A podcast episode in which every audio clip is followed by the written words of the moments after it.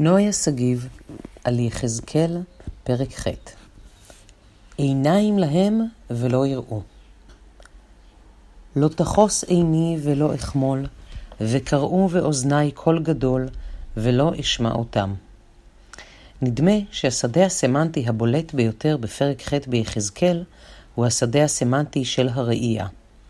יחזקאל רואה דמות אלוהית המובילה אותו אל בין המראות הקשים, המבקשת ממנו לשאת עיניו ולראות את מעשיהם הרעים של אנשי ירושלים. לאורך הפרק, שוב ושוב האל כמו מכריח את יחזקאל לראות מה הם עושים.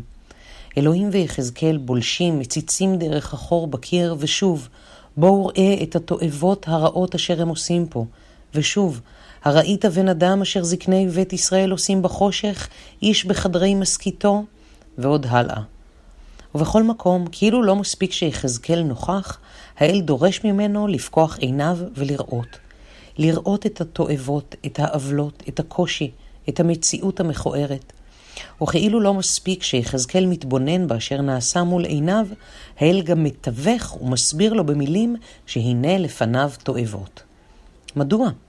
מדוע צריך יחזקאל את התרגום? האם אינו רואה בעצמו כי מדובר בתועבות? האם אין די במראה עיניו שלו? מדוע נדרש התיווך, ההסבר? סרמגו בספרו על העיוורון כותב אם אתה יכול להביט, ראה. אם אתה יכול לראות, התבונן.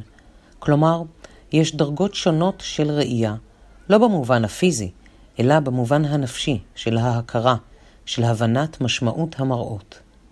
אף בתנ"ך לראייה יש סגולה מיוחדת, מעבר להתבוננות. האיש והאישה הראשונים בגן העדן רואים ונפקחות עיניהם לראייה מפוכחת של מציאות, של בינה, של ידע, של מיניות. יוכבד רואה במשה ראייה מיוחדת, המזהה בו את כוחותיו המיוחדים.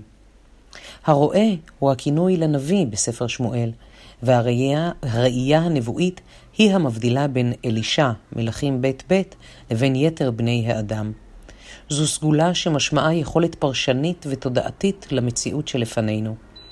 וגם אנחנו. אנחנו יכולים להביט ולא תמיד לראות, לראות ולא תמיד להתבונן, להתבונן ולהכחיש ולא באמת להבין. נדמה לי כי אולי כאן התשובה לשאלת הצורך בתרגום ובפירוש של האלוהים לנביא את המראות. צריך הרבה אומץ כדי לראות את הטוב ולא כל שכן את הרע. וקראו באוזני קול גדול, ולא אשמע אותם. אבל זה כבר לשדה אחר.